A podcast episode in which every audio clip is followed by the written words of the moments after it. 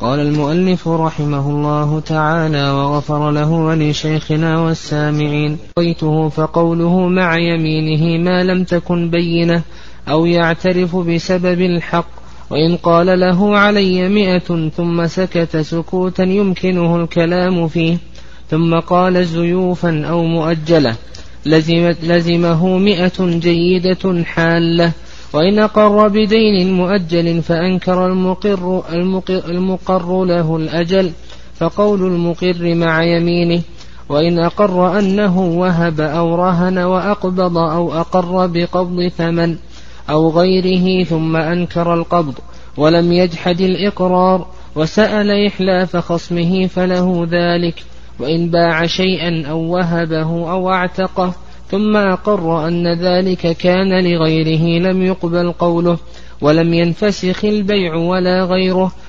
ولزمته غرامته وإن قال لم يكن ملكي ثم ملكته بعد وأقام بينة قبلت إلا أن يكون قد أقر أنه ملكه أو أنه قبض ثم ملكه لم يقبل منه.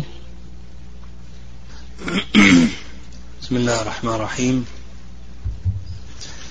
إن الحمد لله نحمده ونستعين ونستغفره ونعوذ بالله من شرور أنفسنا ومن سيئات أعمالنا. من يهده الله فلا مضل له ومن يضلل فلا هادي له. وأشهد أن لا إله إلا الله وحده لا شريك له. وأشهد أن محمدا عبده ورسوله.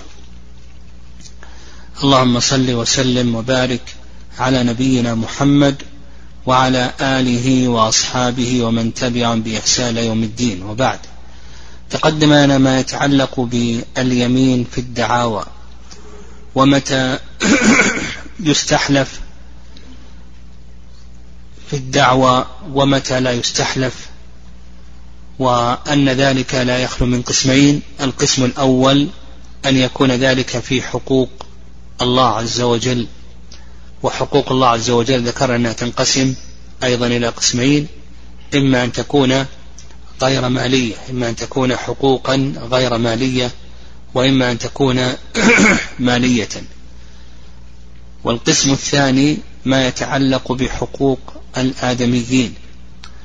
وذكرنا أنها تنقسم أيضا إلى أقسام. القسم الأول ما كان مالا والقسم الثاني ما كان أمانة والقسم الثالث ما ذكره المؤلف رحمه الله فيما يتعلق بالنكاح والطلاق والرجعة والولاء إلى آخره. ثم بعد ذلك شرعنا في الإقرار وأن الإقرار هو أقوى البينات وذكرنا أيضا تعريفه في اللغة والاصطلاح وهو أن يضيف الشخص حقا لغيره على نفسه. وذكرنا دليله من الكتاب والسنة إلى آخره.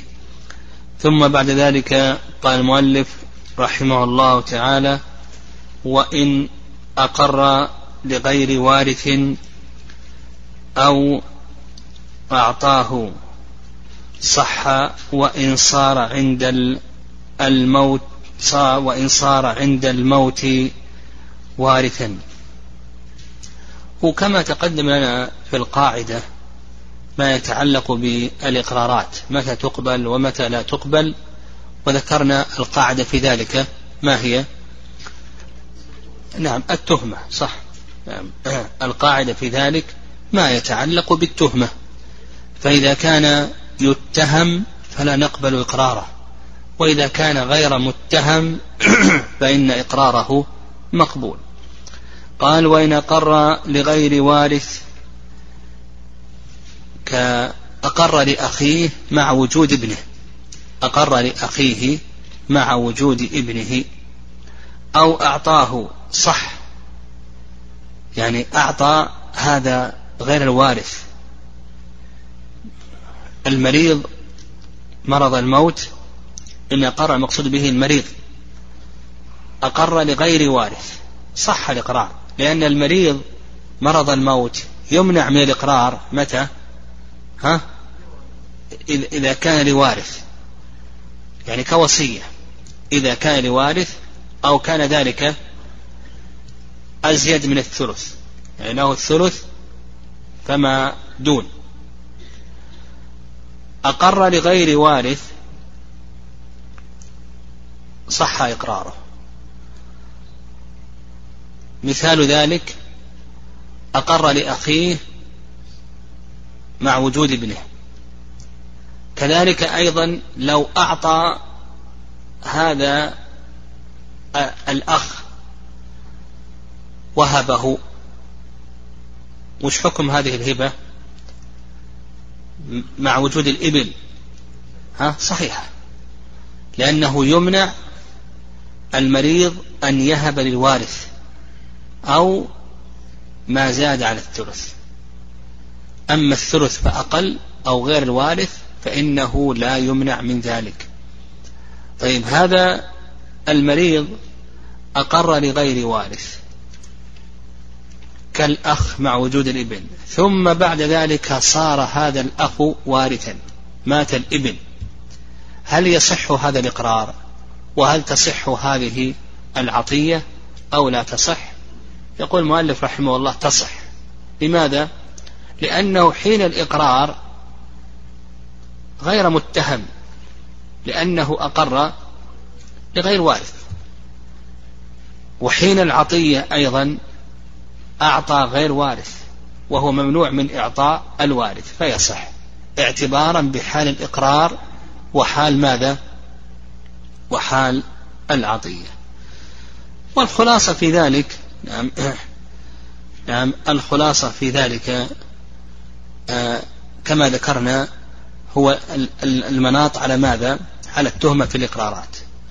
وقول المؤلف رحمه الله أو أعطاه هذه المسألة ليست داخلة في الإقرار وإنما يتحد يتكلم عليها العلماء رحمهم الله تعالى في باب الهبة والعطية. وهناك تكلم العلماء رحمهم الله على هذه المسألة. لكن لا أدري لماذا أتى بها المؤلف رحمه الله. مع أن هذه المسألة أيضا التي ذكرها المؤلف رحمه الله هي خلاف المذهب. المذهب أن المعتبر هو حال الموت كما تقدم لنا في باب الهبة والعطية. وعلى هذا لو أنه أعطى أخاه في مرضه وأخوه ليس وارثا ثم صار عند الموت وارثا حكم هذه العطية عن المذهب لا تصح لأن المعتبر هو ماذا؟ حال الموت. فالمؤلف لا أدري لماذا أتى بهذه المسألة مع أنها سبقت في باب الهبة والعطية أتى بها في باب الإقرار. قال رحمه الله وإن أقرت امرأة على نفسها بنكاح ولم يدعه اثنان قبل وإن أقر وليها المجبر بالنكاح أو الذي أذنت له صح. إذا أقرت امرأة على نفسها بنكاح ولم يدعه إثنان. هذه المسألة لا تخلو من أمرين. نعم. الأمر الأول أقرت على نفسها بنكاح لشخص. أقرت على نفسها بنكاح لشخص. أقرت أن هذا الرجل قد تزوجها وليس هناك منازع له فيصح إقرارها لأنه حق عليها ولا تهمة فيه. نعم لأنه حق عليها ولا تهمة فيه. القسم الثاني نعم القسم الثاني أن تقر بالنكاح لاثنين. نعم أن تقر بالنكاح لاثنين. فالمذهب أنه أيضا يقبل إقرارها لأن الحق عليها وقد أقرت به لهذين الشخصين. المذهب إذا أقرت بالنكاح لاثنين أنه يقبل إقرارها لأن الحق عليها ويصح لهذين الشخصين. والرأي الثاني هو ظاهر ما ذهب إليه المؤلف رحمه الله تعالى. نعم ظاهرا ما ذهب إليه المؤلف أنه لا يصح. إذا أقرت الاثنين أنه لا يصح. والمذهب حكمه ماذا؟ حكمه الصحة. وعلى هذا نقول صحيح إذا أقرت قالت هذا الرجل زيد وعمر كلاهما تزوجني. فنقول إقرارها صحيح. وعلى هذا من أتى ببينة فهي زوجته يعني الذي يأتي ببينة فهي زوجته. وإن أقام بينتين كل منهما أقام بينة قدم أسبق النكاحين. فإن جهل السابق قدم قول الولي. فإن جهل فإن جهل الولي فسخ. ها أعيد. إذا أقرت بالنكاح الاثنين حكم هذا الإقرار؟ نقول بأنه صحيح المذهب خلافا لما ذهب إليه الماتن فإنه لا يصح وهو رواية عن الإمام أحمد. وعلى هذا من كان له بينة قدمت بينته. إن كان لكل منهما بينة تقد نعم نقول يقدم أسبق النكاحين. فإن جهل قدمنا قول الولي فإن جهل الولي فسخ. نعم فسخ النكاحان قال وإن أقر وليها المجبر. هذا المصطلح تقدم لنا وين؟ الإجبار وعدم الإجبار. ها؟ إيه هو في النكاح لكن في باب شروط النكاح. نعم في باب في شرط في باب شروط النكاح في شرط الرضا. ومن هو الذي يجبر ومن هو الذي لا يجبر؟ تقدم الكلام عليه. وإن أقر وليها المجبر بالنكاح أو الذي أذنت له إذا كانت غير مجبرة. المجبرة مثل البكر هذه مجبرة أقر بالنكاح صح هذا هذا الإقرار أو الذي أذنت له يعني هي غير مجبرة وأذنت. ها؟ أذنت له أن يزوجها. أقر صح الذي أذنت له أقر بهذا النكاح نقول بأن هذا صحيح. نعم لأن كل منهما يملك العقد عليها. قال رحمه الله وإن أقر بنسب صغير أو مجنون النسب أنه ابنه ثبت نسبه نعم لأنه غير متهم في إقراره. فإذا أقر بنسب صغير أو مجنون مجهول النسب أنه ابنه ثبت نسبه. لأن الظاهر أن الشخص لا يلحق به من ليس منه. الظاهر أن الشخص لا يلحق به من ليس منه ولأنه غير متهم في إقراره. ما دام أنه مجهول النسب. وكما تقدم لنا أن الفقهاء رحمهم الله يتوسعون كثيرا في أي شيء؟ في إثبات النسب. في إثبات النسب يتوسعون كثيرا. وهذا من التوسع عند الفقهاء رحمهم الله. هذا مجهول النسب. صغير أو مجنون. جاء شخص وقال بأنه ابنه. فيقول لك المؤلف رحمه الله يلحق به نسبا. نعم. قالوا لأنه غير متهم في إقراره ولأن الظاهر أن الشخص لا يلحق به من ليس منه. قال فإن كان ميتا ورثه يعني إذا كان المقر به ميتا هذا الذي أقر به الصغير أو المجنون كان ميتا. نعم فيقول لك المؤلف رحمه الله يلحق يرثه يرثه المقر. نعم. قال وإن وإذا ادعى على شخص بشيء وإن ادعى على شخص بشيء فصدقه صح. إذا ادعى عليه بشيء. أنه أقرضه أو أنه باعه فصدقه. قال صدقت. نقول هذا حكمه ماذا؟ ها؟ نقول بأنه صحيح. نقول إذا قال ادعى عليه وقال صدقت. صحيح. هذا إقرار. نعم هذا إقرار. قال رحمه الله تعالى فصل. إذا وصل بإقراره ما يسقطه مثل أن يقول له علي ألف لا تلزمني ونحوه لزمه الألف. لو قال له علي ألف لا تلزمني يعني إذا وصل بإقراره ما يسقط إقراره. يقول المؤلف رحمه الله تعالى إذا وصل بإقراره ما يسقط إقراره. يقول لك المؤلف رحمه الله تعالى يلزمه ما أقر به. لأن عندنا قاعدة وهي أن الأصل إعمال كلام المكلف لا إهماله. الأصل إعمال كلام المكلف لا إهماله. إذا قالك لزمه الألف. وإن قال كان له علي وقضيته فقوله بيمينه. لأنه في في هذه الحالة هو, هو وإن أقر بالألف إلا أنه أيضا قيد ذلك بأي شيء؟ ببراءة الذمة وأنه قد قضاه. نعم وأنه قد قضاه. أما قوله لا تلزمني ليس فيه ما يدل على براءة ذمته منه. نعم. فيقول لك في المسألة الأولى تلزمه الألف لكن في المسألة الثانية لا تلزمه.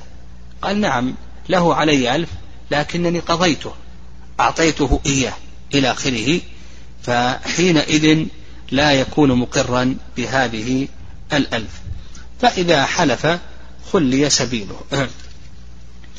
لأنه كما تقدم هو رفع ما أثبته بدعوى القضاء. رفع ما أثبته بدعوى القضاء. قال ما لم تكن بينة أو يعترف بالسبب الحق يعني ما لم تكن بينة أو يعترف بسبب الحق فلا بد من بينة. فأصبح إذا أقر أنه يريد منه كذا وكذا ها؟ ثم ادعى أنه قضاه. إذا ادعى أنه قضاه. قال نعم هو يريد مني ألف ريال لكنني قضيته. فإن هذا لا يخلو من أمرين. الأمر الأول ألا يكون هناك بينة. ولا يعترف بسبب الحق. فنقول هنا يحلف ويخلى سبيله. الأمر الثاني أن يكون هناك بينة أو يعترف بالسبب الحق. فلا تبرأ ذمته إلا بأي شيء إلا بالبينة. واضح؟ يعني إذا كان هناك بينة للمدعي أو المدعى عليه اعترف وقيد اعترافه هذا ببيان سبب الحق. له علي ألف قرض أو بيع أو نحو ذلك. فيقول لك المؤلف رحمه الله تعالى إذا كان هناك بينة أو اعتراف بسبب الحق فلا يقبل قوله بأنه قضاه إلا ببينة. فإذا أحضر المدعي بينة نقول إن كان هناك بينة على أنك قضيته وإلا فإنه يقضى عليه بأي شيء؟ بالبينة بينة المدعي. بينة المدعي. و وإذا اعترف بسبب الحق هو أما إن كان هناك بينة فالأمر ظاهر.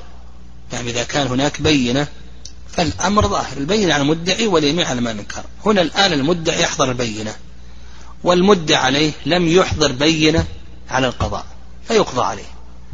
لكن لو لم يكن للمدعي بينة واعترف بالسبب الحق قال أنا أقر أنه يريد مني ألف ريال بيع بسبب البيع أو بسبب الغصب أو الإتلاف ونحو ذلك. ها؟ فنقول كما تقدم البين على المدعي واليمين على منكر على الصحيح. نقول للمدعي أعطنا ماذا؟ بينة. فإن أعطانا بينة حكمنا بهذه البينة. إذا لم يأتي ببينة نقول اليمين على من؟ على المدعى عليه. نعم اليمين على المدعى عليه. أما المذهب فإنهم لا يقولون بأن اليمين على المدعى عليه. يقولون لا بد من أن يحضر المدعى عليه بينة على أنه قضى. الصحيح أننا كما تقدم في القاعدة البينة على المدعي واليمين على المنكر. قال رحمه الله تعالى وإن قال له علي وإن قال له علي مئة ثم سكت سكوتا يمكنه الكلام فيه ثم قال زيوفا يعني معيبة أو مؤجلة لزمه مئة جيدة حالة. هذا الكلام فرع عن قاعدة. نعم هذا الكلام فرع عن قاعدة. وهذه القاعدة من يذكر هذه القاعدة؟ ها؟ لا هنا ما في استثناء. نعم هنا ما في استثناء. ها؟ هذه قاعدة ذكرها الشيخ عبد الرحمن السعدي في كتابه الأصول والقواعد الجامعة. تعرضنا لهذه القاعدة يعني في دروس سابقة.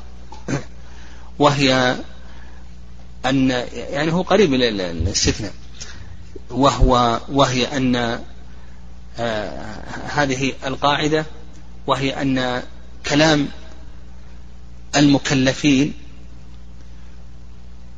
كلام المكلفين فيما يتعلق بالإقرارات والفسوق وغير ذلك يلحق به ما يتعلق بالشروط والصفات. يعني المكلف إذا قيد كلامه بشرط أو صفة إلى آخره. هذه القيود تلحق بكلام المكلفين يعني هذه القاعدة هو يقول لك بأن ما يتعلق بكلام المكلفين من إقرارات أو فسوق أو عقود أو نحو ذلك تلحق بها ما يحصل عليها من قيود. بالصفات أو الشروط أو الاستثناءات. نعم أو الاستثناءات. لكن هذه القيود بالصفات أو الشروط أو الاستثناءات وش يشترط لها؟ قال الاتصال. نعم يشترط لها الاتصال. فإن كان الفاصل يصير عرفا هذا لا يضر. لكن ولهذا قال لك ثم سكت سكوتا يمكنه الكلام. هنا ما يصح التقييد. نعم لا يصح التقييد. لا بد من الاتصال والصحيح في ذلك أنه إذا كان السكوت يسيرا ها أنه لا يقطع الاتصال وأن ما يلحقه من صفة أو شرط أو استثناء كله يلحق به. واضح؟ فهم يشترطون ماذا؟ الاتصال. ويشترطون أيضا النية. ويشترطون في الاستثناء ها نعم ألا ألا يكون أكثر من النسب نعم يشترطون في الاستثناء يعني مثال ذلك لو قال لزوجته أنت طالق ثلاثا ثم قال بعد ذلك إلا واحدة. ها؟ صح الاستثناء. طيب. لو قال بيتي وقف ثم قال بعد ذلك مباشرة الصغير. بيتي مفرد مضاف يعم جميع البيوت. ثم قال بعد ذلك الصغير. ها يصح هنا التقييد أو لا يصح؟ يصح. لو قال لزوجته أنت طالق ثم قال إن خرجت. هنا شرط. قيد كلامه بأي شيء؟ بالشرط. فتقييد المكلف بكلامه فيما يتعلق بالعقود والفسوق والإقرارات والتبرعات ونحو ذلك بالصفات والشروط والاستثناءات هل يشترط لها الاتصال أو لا يشترط؟ نقول اشترط الاتصال لكن الصواب أنه إذا كان الفاصل يسير عرفا أنه لا يضر. وفي الاستثناء كما تقدم لنا يذكرون شروط الاستثناء. الاستثناء يصح أن يستثني النصف فأقل أما أكثر من النصف فإنه لا يصح. هنا قال له علي مئة ثم سكت. لو قال مباشرة زيوفا يصح التقييد بالوصف هنا أو لا يصح؟ يصح. يعني معيبة. أو مؤجلة. إذا قال مباشرة مؤجلة يصح التقييد بالوصف. فهذه قاعدة مفيدة جدا. يعني وهي ما يتعلق بتقييد كلام المكلف بالشروط والصفات والاستثناءات إلى آخره. قال أو مؤجلة لزمه مئة جيدة حالة. نعم. لأنه اختل شرط من شروط التقييد بالوصف أو الشرط إلى آخره. قال وإن أقر بدين مؤجل فأنكر المقر له الأجل فقول المقر بيمينه. قال قال أنا أقر أن أن زيدا يريد مني يريد مني ألف ريال مؤجلة. نعم. فالمقر له بالألف أنكر. قال لا أنا أريد منه ألف ريال حالة. فقول من؟ قول المقر. يقول بأن القول قول المقر في في آه، تأجيله لأنه أقر بالمال على صفة وهي صفة التأجيل. فيؤخذ بما أقر به هو ما أقر بالمال إلا على هذه الصفة. قال رحمه الله وإن أقر أنه وهب أو رهن وأقبض أو أقر بقبض ثمن أو غيره ثم أنكر القبض ولم يجحد الإقرار وسأل إحلاف خصمه نعم سأل إحلاف خصمه فله ذلك. هنا قال لك أقر أنه وهب وأقبض يعني وهب زيدا هذا الكتاب وأقبضه إياه أقر بهذا.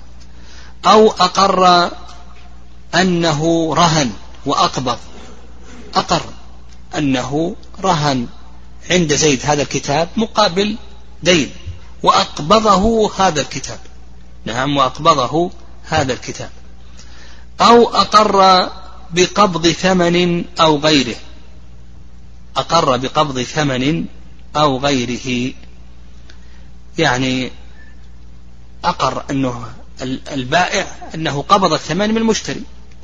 أو غيره كالصداق مثلا. المرأة أقرت أنها قبضت الصداقة من زوجها. أو الأجير أقر أنه قبض الأجرة ممن استأجره ثم أنكر المقر الإقباض. يعني ثم أنكر المقر ثم أنكر يعني المقر القبض ولم يجحد الإقرار. نعم الصادر منه.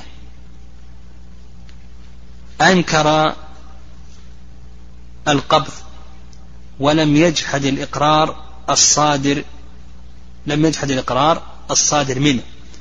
وسأل إحلاف خصمه فله ذلك أي له تحليفه. هنا أنكر القبض يعني بعد أن أقر بالهبة وإقباضها أنكر القبض. لماذا ينكر القبض؟ ها لأن لا تكون لازمة الهبة. لأن الهبة على المذهب لا تكون لازمة إلا بالإقباض.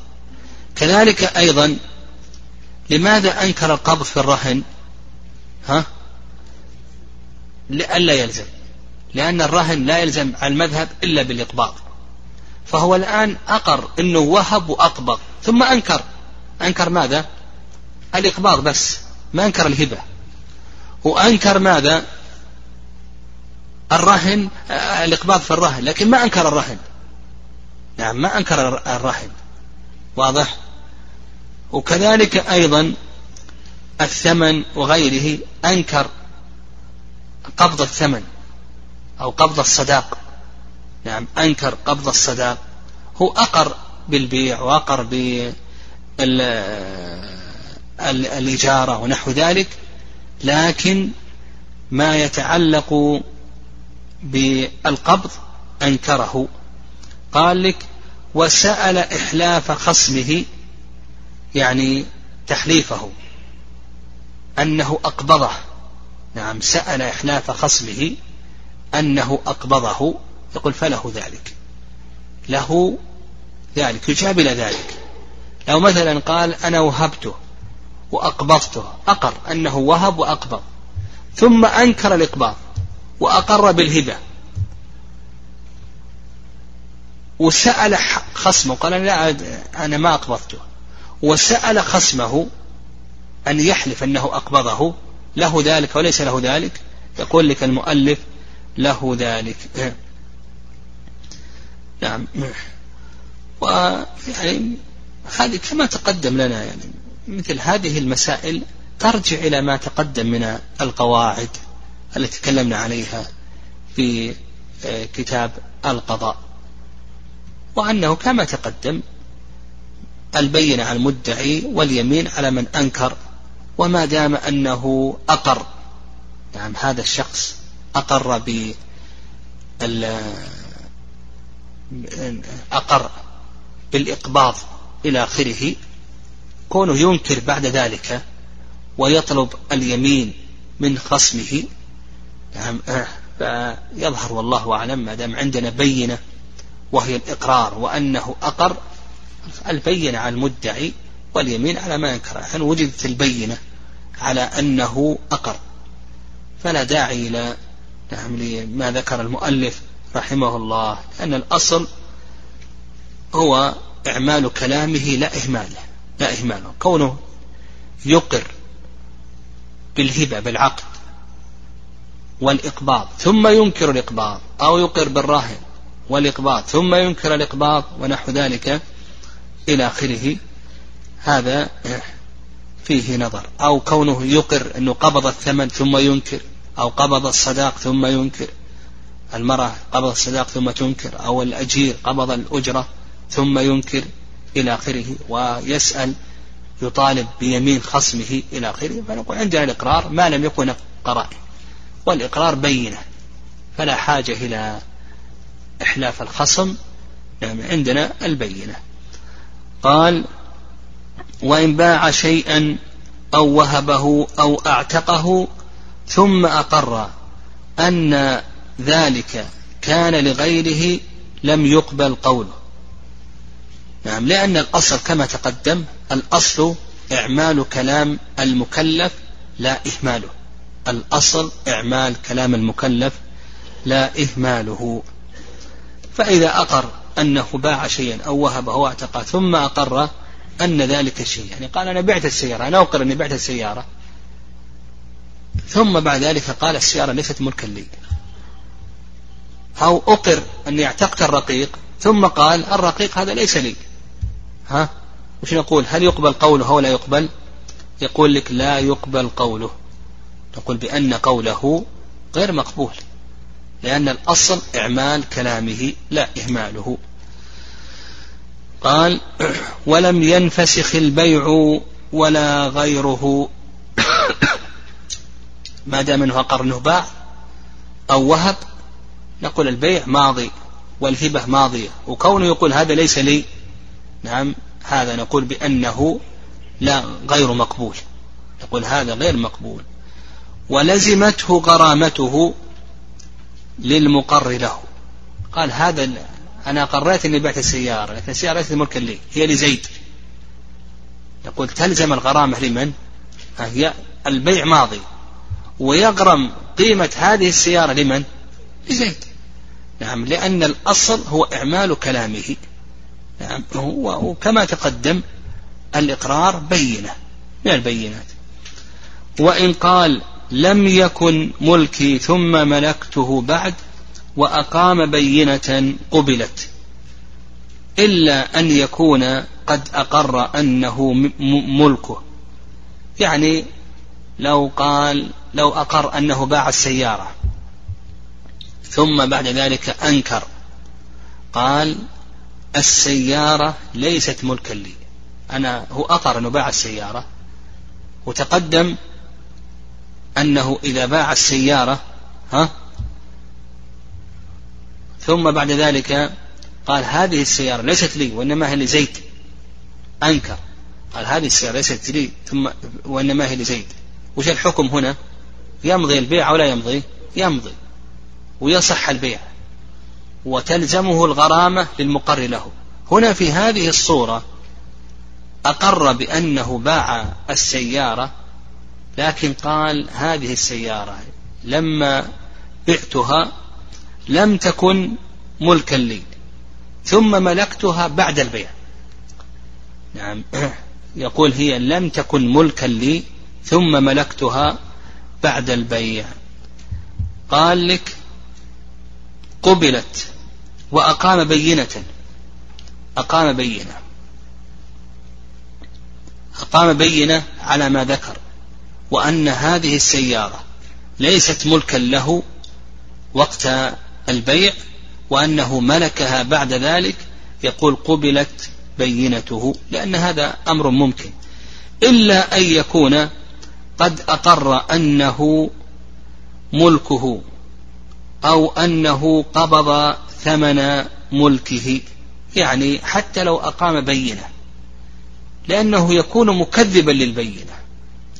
هو أقر أن هذه السيارة ملكه أو أنه لما باعها أنه قبض ثمن ملكه. فنقول لو أقر لو أقام بينة على أنه لم يكن ملكها ثم ملكها بعد ها؟ يعني هو وقت البيع أقر أنها ملكه. أو لما باع أنه قبض ثمن ملكه. ثم بعد ذلك أقام بينة أنها ليست ملكا له ثم ملكها بعد ذلك. هل تقبل البينة هنا أو لا تقبل؟ لا تقبل لأنه يكون مكذب لها. كيف يقر أنه وقت البيع أنها ملكه؟ والبينة تقول أنها ليست ملكا له. أو أنه الآن قبض ثمن ملكه والبينة تقول بأنها ليست ملكا له. نعم قال لك لم يقبل. نعم لأنها لأن البينة تكون شاهدة بخلاف ما أقر به. قال رحمه الله فصل وإن قاله علي شيء أو كذا قيل فسره فإن أبى حبس حتى يفسره. يعني إذا أقر بشيء مجمل فلا بد أن يبين هذا المجمل وأن يوضحه لأنه لا يمكن أن يؤخذ الحق حتى يبين هذا المجمل. لو قال له علي شيء أو له علي حق فلا بد أن يفسره. نعم. قال فإن أبى حبس حتى يفسره لأنه لا يمكن أن يستوفى الحق حتى يفسره فيجب عليه أن يفسره. فإن فسره بحق شفعة أو بأقل مال قبل وإن فسره بميتة أو خمر أو قشر أو قشر جوزة لم يقبل ويقبل كلب مباح نفعه أو حد قذف. يعني إذا فسره فإن هذا لا يخلو من نعم لا يخلو من أمور. الأمر الأول أن يفسره بحق مالي. ها؟ يقبل قوله ولا يقبل؟ قال له علي شيء. طيب ما هو هذا الشيء؟ قال قلم رصاص. ها؟ يقبل قوله. إذا فسره بحق مالي أو قال عشرة ريالات نقول نقبل قوله. القسم الثاني نعم القسم الأول أن يفسره بمال. نعم القسم الأول أن يفسره بمال. نقبل قوله. القسم الثاني أن يفسره بحق مالي. وش مثل؟ حق الشفعة. قال له عليه حق ما هو هذا الحق؟ حق الشفعة. يقبل قوله. القسم الثالث أن يفسره بمختص. ها؟ يقبل قوله ولا يقبل؟ نقول يقبل قوله. قال له علي شيء. ما هو هذا الشيء؟ قال كلب صيد. نعم كلب صيد. نقول يقبل لأن كلب الصيد ينتفع به. الأمر الرابع نعم أن أن يفسره بما ليس مال ولا اختصاص. نعم بما ليس مال ولا اختصاص. مثل كما قال لك فسره قال ميتة. ما يصح. الميتة هذه ليست مالا ولا مختصا. أو خمر أو قشر جوزة ونحو ذلك هذا يقول لك لا يقبل. لأن لأن هذا يؤدي إلى ماذا؟ إبطال الإقرار والأصل إعمال كلام المقر لا إهماله. وإن قال له علي ألف رجع في تفسير جنسه إليه فإن فسره بجنس أو أجناس قبل. نعم. لو قال له علي ألف ثم قال ريالات سعودية أو دينارات كويتية أو نحو ذلك قبل. أو قال ريالات ودينارات قبل ذلك لأنه أعلم بمراده.